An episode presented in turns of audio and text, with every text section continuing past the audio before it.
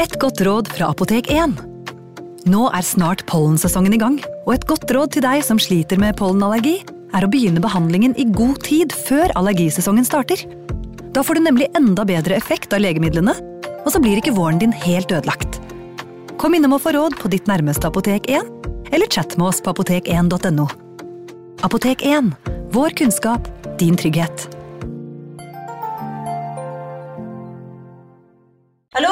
Jeg kommer fra Oslo politikammer.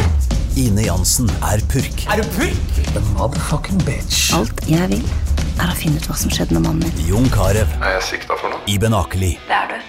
Ole So, Lars Berrum og Big Daddy Karsten. Hvem sin side er du på, egentlig? Anette Hoff, Tone Danielsen, Kommer du fra Afrika? Jørnis Josef, Nesten kløfta. Trond Espen Seim, Det er synd å si det, men det var feil mann som døde. Purk. Premiere tirsdag på TV2 Play. Advarsel. I denne podkasten vil du høre historier basert på informasjon programlederne har funnet selv. Programlederne står ikke nødvendigvis inne for meninger og syn som fremstilles. Noen påstander kan avvike fra virkeligheten.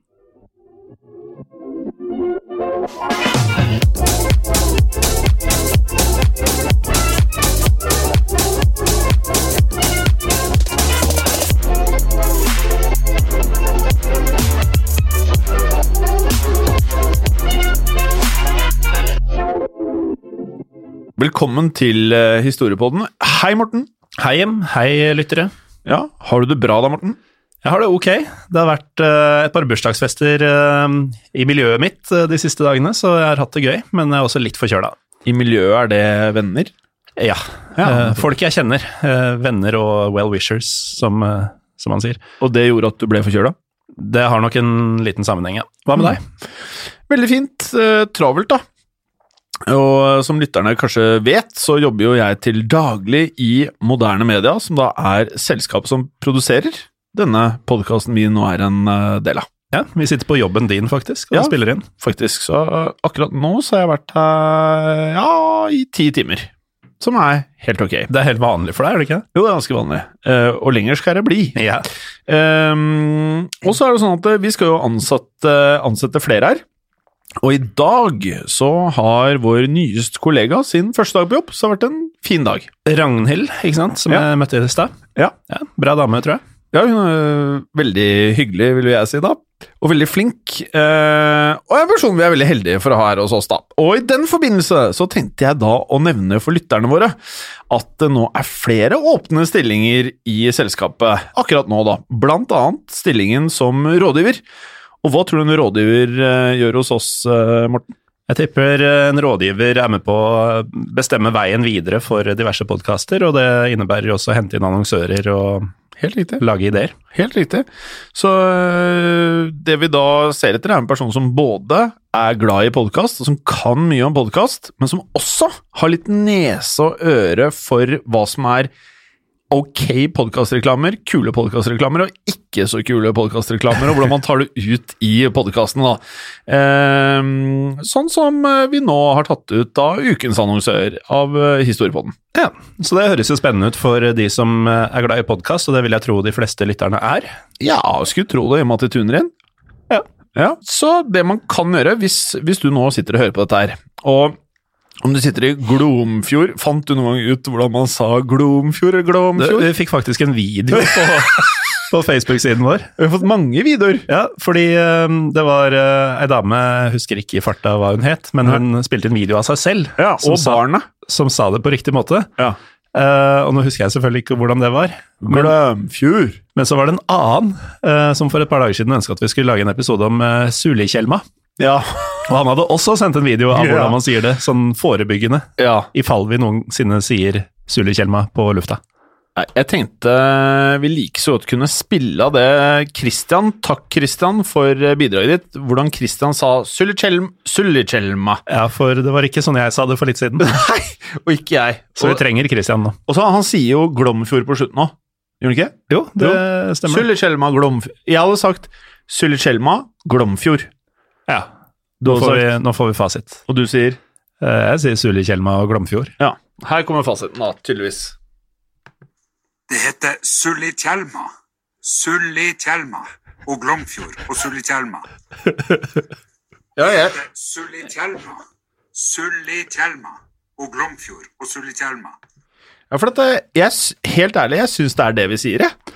I hvert fall Glomfjord. Glomfjord. Ja. Glomfjord.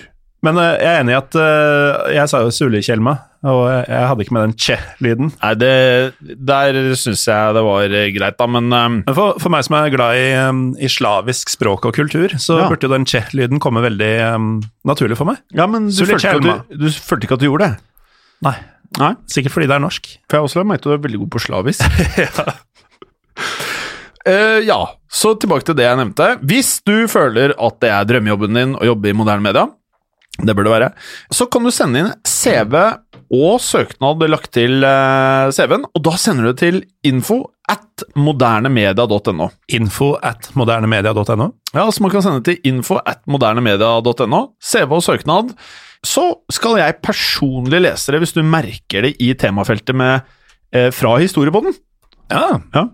Men det, hvis du bor i Glomfjord eller Sulitjelma, så Eller Da må du være forberedt på å flytte hvis du skal ha sjanse på å få jobben. Ja, da kan det bli tøft å øh, jobbe derfra. Men du kan bli tekstforfatter, da, kanskje. Ja. Ja. Ja. Selv om det ikke var jobben vi akkurat lyste ut, da. Nei, det var det ikke. Så uansett, eh, gå inn på hjemmesiden vår også, der er det mer informasjon. Så tilbake til dagens episode, så er det jo eh, litt sånn at dette er jo ment som en kuriositet, denne episoden her. Så den blir kortere enn en vanlig episode. Og kuriositeten er av eh, et slag som er veldig nære mitt eh, hjerte, eh, vil nå jeg si. Ja, for vi skal sette oss i Tesla-tidsmaskina vår og dra tilbake til 1980. Ja. Tallet er for så vidt ikke det viktigste her for din del, det er jo um, det at vi ikke skal så langt. Vi skal jo egentlig rett over uh, Norskehavet, Nordsjøen, uh, whatnot. Um, litt forbi Orkenøyene, som vi var innom nylig, Ja. og lande i Glasgow. Eilat! Der har jo jeg eh, bodd i mange, mange år. Og det jeg forbinder med denne byen, er jo friterte Marsbarer og Snickersbarer. Uh. Det er liksom det første som slår meg.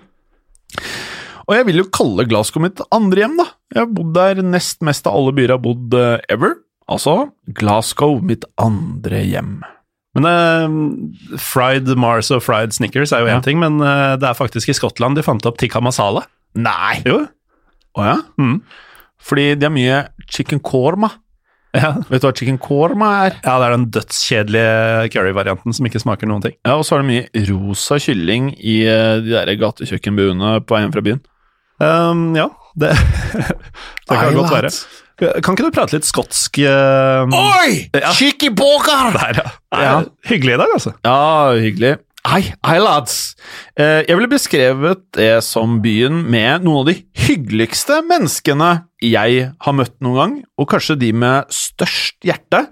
Og så er de veldig morsomme, og noen ganger så kan du nok ha litt med Når du kommer litt som nordmann, så høres de morsomme ut når du hører på dem, og du Ja. kanskje ikke skjønner alt. Jeg, jeg skjønner knapt et ord Nei. når skotter prater, og jeg husker jeg første året jeg jobba på språkreise med Ja. ungdommer.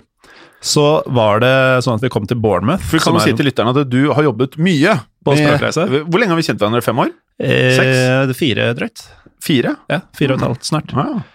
Men eh, Og så lenge jeg har kjent deg på de fire og et halvt årene, så har du alltid pratet mye om språkreiser. Ja, for jeg gjør det hver sommer. Ja. Og første gangen så var jeg i Bournemouth i Sør-England, og det er jo veldig sånn enkel sånn Alle har hørt London-aksent, eller sånn sørengelsk er den enkleste britisk-engelsken. Mm. Og nordmenn er jo sånn ganske gode i dette, dansker, svensker er det også. Men så var det jo en del russiske, spanske, italienske, franske tenåringer der også. Og man fikk jo da lokale ledere eh, i sine grupper, og den ene lokale lederen, lokal i anførselstegn, han var skotsk. Nei. Han het Massimo! Massimo! italiensk navn, og altså, jeg forsto ikke et kløyva ord. Men det er litt av det eksotiske med Glasgow. Jo, men disse stakkars eh, ikke fullt på høyde med, med oss i nord på engelsk, da. Eh, russiske tenåringsgutter, eksempel. De slet litt. De bomma litt på oppmøtesteder og tidspunkter og sånn, etter at han hadde gitt beskjed. Ja, det, det kan jeg faktisk eh, se for meg. Eh, Glasgow er jo også De fleste som har vært innom der, som ikke bare har vært i City Central eh, area, de vil nok også kalle dette for en hard industriell eh, by, som bærer preg av en historisk periode med mye industri, og da spesielt bygging av skip, altså skipsverft. Mm. Som blant annet uh, sir Alex Ferguson er jo fra en byggefamilie i uh, utkanten av uh, sentrum i Glasgow, da. Ja. Og dessverre da for alle Glaswegians, som man kaller de som eh, bor i Glasgow, for jeg var jo veldig sånn Glaswegian, var det noe som noen bare Er det nordmann i Glasgow, Ja, liksom? ikke sant? Men de kaller seg selv for Glaswegians. Så gikk da etterspørselen av skip nedover, som betød økt arbeidsledighet, som igjen utviklet en ikke hard kultur, men en meget hard kultur blant Glaswegians. Dette skapte gjengdannelser og områder med gettoer. Og nå spørs det hvordan man regner Glasgow, men det er en enorm by. Faktisk så kan man regne Glasgow som nesten dobbelt så mange mennesker som Oslo. Som i tur har da ført til kriminalitet, hvor narkotikahandel er en utbredt ting i Glasgow, som ikke er ulikt de fleste andre steder i verden. Nei, og vi, vi har jo nevnt uh, i tidligere episoder at uh, iskrembiler, altså tilsvarende isbilen i Norge, da, Ja. som kjører rundt og plinger og sånn i nabolagene. Som egentlig er forbundet noe som er veldig koselig. Ja, i hvert fall her til lands. Ja. Eh, Ikke så mye andre steder, og ja, vi husker jo Iceman sin gode venn, blant annet. Men uh, her så har det da vært, uh, og muligens også i dag, vært brukt til salg av forskjellige typer narkotika uh, rundt om. Og type narkotika som, som er mest relevant, det avhenger jo selvfølgelig litt av hvor i verden du er. Um, hasj er stort i Amsterdam, kokain i Miami osv. Um, men ikke bare solgte de dop fra disse bilene, de solgte også andre um, ulovlige goder, uh, tyvegodsgjerne, som var populært å handle fra disse isbilene i Glasgow. Ja, og i 1979 og årene som kom da i Glasgow, så var det å selge dop ut av isbilen god butikk for de involverte, ja, stort sett gjengene, da. For dette var jo, som vi da har hørt fra episoden om eh, The Iceman spesielt, det perfekte skalkeskjul til å kjøre rundt i boligområder. The Iceman, eh, i den episoden så var det jo drap, da, eh, mye av dette her, men eh, her hadde man jo det perfekte tilsynelatende Altså, det var et kjørende narkoreir, hvor du kunne selge dop ut av, da. Og det var jo da ingen som fattet mistanke, som da ikke visste at dette her var eh, narkohandel. Sånn at uh, dette her var jo noe som primært var i de fattigere strøkene av Glasgow. Og som vi vet, i gettoer så er det sterkt komprimert med mennesker, så det er mange mennesker på de forskjellige stedene. Og uh, de fleste trodde jo at dette var et sted hvor de unge kunne få tak i uh, ice cream and crisps. Ice cream and crisps! Men uh, uansett, det du sier, Jim, det betyr jo at rutene man hadde tilgang på som doplanger, de avgjør, avgjorde hvor mye penger det var mulig å, å tjene. Og i områder der man visste at det var høy etterspørsel etter dop, eh, var jo selvfølgelig de rutene man ønska seg flest av. og nå er det jo sånn at hva skal vi si, grunnpilaren i, i narkosalg, det er jo et ganske enkelt ønske. ønske. Ønsket om å tjene mest mulig penger. Som også kommer frem i utallige filmer og eh, TV-serier. Så betyr jo dette drivet etter å vokse og omsette mer dop Det er høyt, og eh, jeg vil jo si i hvert fall en av de filmene som jeg kom på eh, som jeg så mye når 50 Cent var på sitt største, det var Get Rich or Die Trying. Aldri sett. Har du ikke det? Nei. Jeg har, Jeg har ikke sett Eight Mile heller. Ja, ok, så du er en av de, ja. Mm. Ja, Det går vel ikke så bra på disse språkreisene når du ikke tar noen av referansepunktene? Det er ikke så mye dopprat på de språkreisene, faktisk. Nei, men det er musikk, da. Begge disse filmene har til felles at begge ble store rappstjerner. Så det man da lærte seg, at det å selge dop på feil gatehjørner og bevege seg inn i territorier hvor de ikke hadde, hva skal jeg si, rett til å være, kunne ha ja, katastrofale og dødelige følger, da. Og dette skjedde jo på 1980-tallet under det som har blitt kalt for The Glasgow Ice Cream Wars. Ja. Det høres jo ganske Det høres egentlig litt hyggelig ut, Ja, rett og slett. Kanskje noen som kaster is på hverandre og sånn. men det var ikke det det var, altså. Nei, dette utarta til, eh, til en krig om eh, områder og ruter, spesielt i East End av eh, Glasgow. Hva er det med East End, Jim? Du Det er ganske er... hardt. Det er ganske hardt. Det er et av de områdene hvor du kanskje sånn Jeg vil si at du går ikke der alene når det er mørkt, kanskje. Ja, ok. Og så er det jo sånn der i Glasgow, du kjenner jo sikkert til det som eh, ikke er eh, helt ukjent med fotballfenomenet, Mm. så er det jo to store fotballklubber der som også har bidratt til at eh, det er ekstrem volds- og religionskultur, i tillegg til narkokultur i området East End. Så Isten er et hardt sted, og dette kom på et tidspunkt i, i Skottland og Glasgow sin historie hvor det mm, var en epidemi, rett og slett, av narkotikabruk. En krise som i dag blir referert til som, ikke overraskende for folk som har sett filmer kanskje, The Trainspotting Generation. Som vi eh, vel allerede nå er enige om at uh, vil bli en egen kuriositetepisode på et tidspunkt, uh, Jim? Ja, jeg begynte å skrive på den faktisk i helgen. Ser du? Ja, og den var uh, Det er mye mer spennende enn det jeg trodde, altså. Det, var, det er ganske hardt, vil jeg si. Mm. Iskrembilene ble som Ja, beskrevet som tanksene til narkolangerne. Det er det de kalte det selv, for tanksen. Og det var slik at dette her var jo da første stopp for uh, The First Defensive Line mot rivaliserende gjenger. Første tilfelle av et organisert angrep i The Glasgow Ice Cream Wars var i 1979, da to brødre angrep en rivaliserende isbil med murstein og planker. Dette ble beskrevet i The Glasgow Herald som en mafia-style warfare. Jeg vet ikke hvor mye jeg forbinder mafia med å hamre løs på en isbil med en planke, men uh, Det var det at det var organisert, da, sikkert, som uh, var det de mente. Ja, ok. Ja. Uh, over flere år, årene som kom, så gikk det um, hevnaksjoner og angrep på bilene til gjengene om hverandre. det ene utløste det andre, og så skulle det hevnes, osv. Og, så og det eskalerte med tiden fra murstein og planker til det jeg tenker på som mer mafioso. pistoler og hagler som pepra bilene til hverandre. Ja, det er ganske mafia. Nå er vi på mafia. Ja. Uh, og spesielt populært var det å skyte i stykker delen av bilen man serverte is, ja. eller, eller, hva det nå var man uh, serverte, ja. uh, fra. Ja. Så, fordi hele greia der var jo da at når de skjøt denne delen av bilen, så brukte de lang tid på å erstatte det, mm. og da var de ute av business en periode. da. Men jeg, jeg, lurer litt på hvor underground kan dette ha vært? fordi hvis isbiler drev og ble skutt på og herpa hele tiden, så må jo politiet på et tidspunkt ha skjønt at ja, men du må huske på du prater om byen hvor barn, eller såkalte Neds hvis du Har du hørt om det fenomenet? Mm -mm. Neds er Du har hørt om Cavs? Jeg har verken hørt om Neds eller Cavs. Nei, det er unge kriminelle ja, Chavs? Ja, Chavs. Ja, ja. Chavs. det henger jeg med. Ja, Ungdomsgjenger som finner på masse ablegøyer, og som gjerne er rusa på drugs eller på store mengder alkohol. Ja, jeg husker når jeg bodde der, så var det i hvert fall sånn at uh, da kunne vi se på nyhetene at mange av disse nedsene, som det ble kalt for i Glasgow, de hadde starta branner i uh, områder eller i gettoene sine, hvor de da ventet på at brannbilene kom kjørende mm. for å overfalle brannmennene. Så det gikk sport i å overfalle brannmennene. Så du kan skjønne Så en smadra isbil vakte egentlig ikke noe særlig Det er hardt ja. i disse områdene.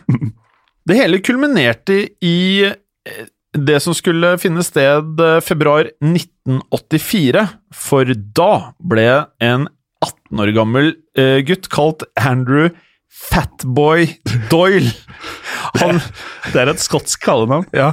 Og han, og du, du var 18 år gammel. Fatboy. Mm. Han kjørte da en iskrembil for Marchetti-familien. Han ble skutt gjennom frontruten på iskrembilen han kjørte. Grunnen til det skal være vært at han ikke var villig til å bukke i underkastelse for en rivaliserende gjeng. Oi. Han ble da skutt i skulderen, så dødelig var ikke dette isolerte tilfellet, da. Men noe dødelig oppsto eh, ettersom dette her skulle gjøre da hele familien til Fatboy Doyle til en mål målskive for gjengen som hadde skutt på han eh, tidligere. Nå hører det jo med til denne historien at det har vært, og, og egentlig fremdeles er, uh, forvirring og usikkerhet eh, rundt hvem denne gjengen var. Uh, Fatboy Doyle selv han skal ikke ha kjent igjen hvem det var som skjøt han, og man har, som vi kommer til, store tvil rundt hvem det var som sto bak det som nå skulle skje. Ja, som var det neste trekket til banden som da skjøt han. De ønsket hele familien Doyle døde som et resultat av dette. Skjebnen til familien Doyle får dere høre mer om etter en kort pause.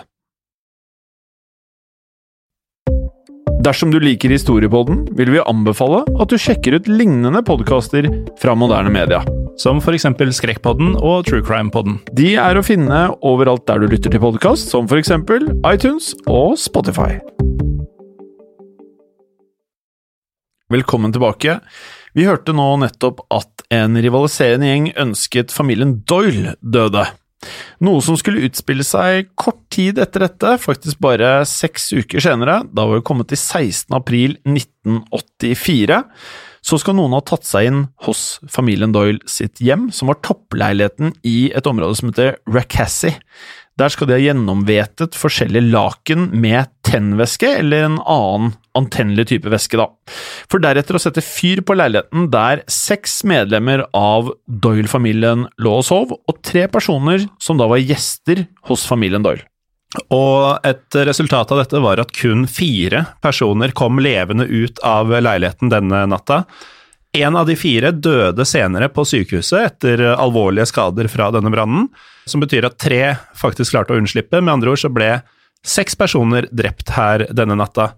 Eh, de døde var, og her kommer en liten liste med navn, James Doyle, 53 år gammel, hans datter Christina Halloran på 25, hennes 18 måneder gamle sønn Mark og tre av sønnene til James, nemlig James jr. på 23, Andre Fatboy Doyle, som hadde blitt skutt tidligere, som vi husker, på 18, og hans lillebror igjen, Tony, som var bare 14 år gammel.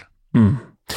Dette resulterte i eh, flere av de største medieoverskriftene i nyere tid i Glasgow, faktisk, med et enormt press på politiet til å faktisk da arrestere de som sto bak dette, altså morderne. Så ble to velkjente iskrembileiere eh, målskiven til eh, politiet her. De ble arrestert for hendelsene, og disse var Thomas Campbell og Joe Steele. Og dette var jo arrestasjoner basert på det vi kan kalle diffuse beviser, beviser som, som flere hevdet var blitt eh, planta. Joe Steele han ble dømt til 20 års fengsel for eh, drapene på de seks personene i den påsatte brannen, mens eh, Thomas Campbell han ble dømt til ti år for å ha vært med på å ha skutt med hagle mot Doyle.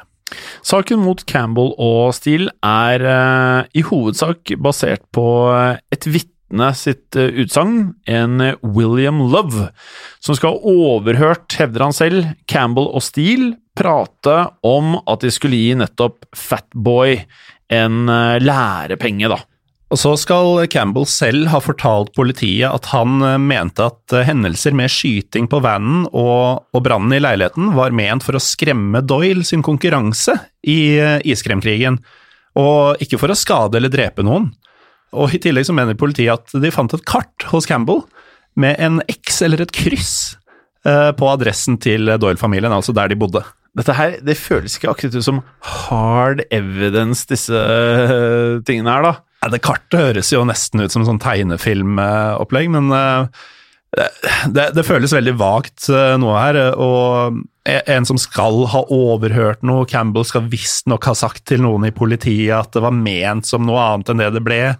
Og dette kartet med en X på, da. Det, det, det er ikke vanntett. Det er ikke vanntett, for um, uansett, da. Campbell og Steele hevdet hele tiden sin uskyld i saken. Campbell skal ha markert sin uskyld med å gå på lengre sultestreiker som nesten skal ha tatt livet av han ved flere anledninger i fengselet. Men Steele på sin side, han, han gjorde også sitt. Ja. Han, Ifølge våre kilder, da, så, så, er det bare litt sånn apropos, sånn uh, sidenotis. Men uh, vi som researcha dette for første gang, vi syns det var ganske ekstremt. Altså, Uh, denne Steele han skal ha klart å rømme fra fengsel tre ganger! Det er jo ganske enestående, med mindre du heter Ole Høiland. Ja, fordi man skulle tro at dette her var en sentral del av uh, gjenfortellingen av det som hadde skjedd, men mm. det her er uh, ikke sett på som noe stort i historien, da. Når han rømte fengsel, så tenkte vi jo da at da var det jo for å komme seg unna dette her, og unnslippe å kanskje dra til Mexico eller et eller annet land hvor man kan ligge lavt. Men det var absolutt ikke planen hans. det var det ikke. For han ønsket å markere sin uskyld og bringe oppmerksomhet eh, rundt eh, deres faktiske da uskyld i alle disse mordene. Så hver gang han da ble tatt eh, av politiet, som jo skjedde flere ganger siden han rømte flere ganger, så var det fordi han hadde gjort et eller annet oppmerksomhetsstunt, og, og spesielt ett av disse skiller seg ut fra de andre. Da han i 1993 smurte inn kroppen med superlim. Nei, det hørtes ut som start på noe skapelig vondt. Ja, det, det gjør det nok. Eh, Han limer seg fast til gitteret utenfor eh, Buckingham Palace, og i tillegg, da, for å bare ordentlig sitte fast, så brukte han håndjern på gitteret også. Nettopp. Da, da rikker du deg ikke av flekken med det første. Da blir Da får du oppmerksomhet. Ja, da, da blir du værende en god stund. Så hadde det seg slik at i 1992 så skulle Douglas Skelton og Lisa Brownlee, eller er det Brownlie? Jeg tror det er Brownlee. Brownlee. Eh, de skulle skrive en bok om eh, disse hendelsene, en bok eh, som heter Frightener, som finnes på Amazon blant annet. De intervjua da denne William Love, dette vitnet, og han sa da selv at han hadde løyet, fordi det gagna han å gjøre politiet en tjeneste ved å lyve om eh, hendelsene. Uh, han sier følgende I did so because it suited my own selfish purposes. The explanation as to why I gave evidence is this. The police pressurized me to give evidence against Campbell, who they clearly believed was guilty of arranging to set fire to Doyles house. Ja. Så skjer det da at Steele og Campbell flere ganger prøver å få saken deres eh, gjenopptatt, hvorav eh, de to første forsøkene falt i fisk. Men tredje forsøket skulle vise seg å være suksessfullt, eh, da de fikk gjenopptatt saken gjennom en nylig opprettet kommisjon kalt The Scottish Criminal Cases Review Commission. Scores Criminal Cases Review Commission. Scottish Criminal Case Revision? Nei, Review Commission? Men eh, det, det er spennende, fordi dette er uh, som en ekte versjon av Primal Fear. Um, har du sett den? Mm, ja Richard Gere? Ja, uh, hotshot-advokaten som klarer å styre utfallet i sakene sine, nesten. Uh, for det som skjer her, er at en professor, eh, Brian Clifford, som var ekspert i kognitiv psykologi, han hevdet at det var umulig at alle disse fire politimennene som eh, hadde overhørt disse greiene til Campbell, at alle kunne huske dette ordrett, sånn som de eh, hevdet. For en undersøkelse som han hadde vært med på å da faktisk foreta, så kunne folk høre kun 30-40% maks av ordene de nettopp hadde hørt. Altså de kunne kun gjenfortelle eh, en, under halvparten av det de faktisk Nei, hadde hørt. En Tredjedel, cirka. Nettopp. Og det at eh, alle fire politimennene at de skulle ha husket ned til hvert minste ord det som hadde blitt sagt, fant han heller usannsynlig. Og ettersom det da i denne boken eh, hadde kommet fram at uh, vitnet hadde løyet, og at det nå var høyst sannsynlig at politimennene også hadde løyet, så var det nå ingen beviser av det som hadde vært årsaken til at disse gutta hadde blitt dømt, som lenger holdt stand, og de ble dermed satt fri. En liten påminnelse til alle der ute som måtte vurdere å starte en Ice Cream War her i Norge eller et annet sted. Eh, La følgende skremme deg unna denne tanken, for her avslutter vi med en quote fra Campbell. I've been caught with aces. I've been caught with swords, open razors, every conceivable weapon, meat cleavers. And it was all for nothing, no gain, nothing to it, just absolute madness. Ok, så han var kanskje uskyldig i, i denne brannen, men han var ikke noe sånn good guy all over, han eh, Thomas Campbell. Nei, de var jo beinharde. Eh, vi skal jo legge ut bilder av eh, gutta. Det, det er jo folk med Du ser at de har kniver på kroppen, du, de har Og kjøttøkser og Ja. Og dette er før det er trendy å ha tatoveringer på hender, knoker og den type ting. Alle har gamle sånn Gamle, gamle, gamle tatoveringer på de fleste lem. Mm. Og når du nevner bilder, Jim, så oppfordrer vi lytterne til å følge oss på Instagram og like oss på Facebook, der vi begge steder er Historiepodden Norge. Det har skjedd, Morten. Og det kan skje igjen. Ja. I produksjonen av Historiepodden så ønsker vi å takke Håkon Bråten for lyd og musikk. Takk til Felix Hernes for produksjon. Takk til Ellen Froktenestad for tekst og manus. Og takk til deg, Morten Galesen, for programlederrolle. Og takk til deg, Jim Fosheim, for programlederrolle.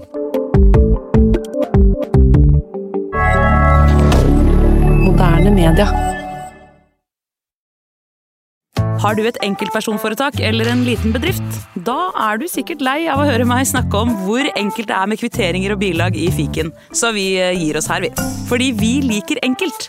Fiken superenkelt regnskap.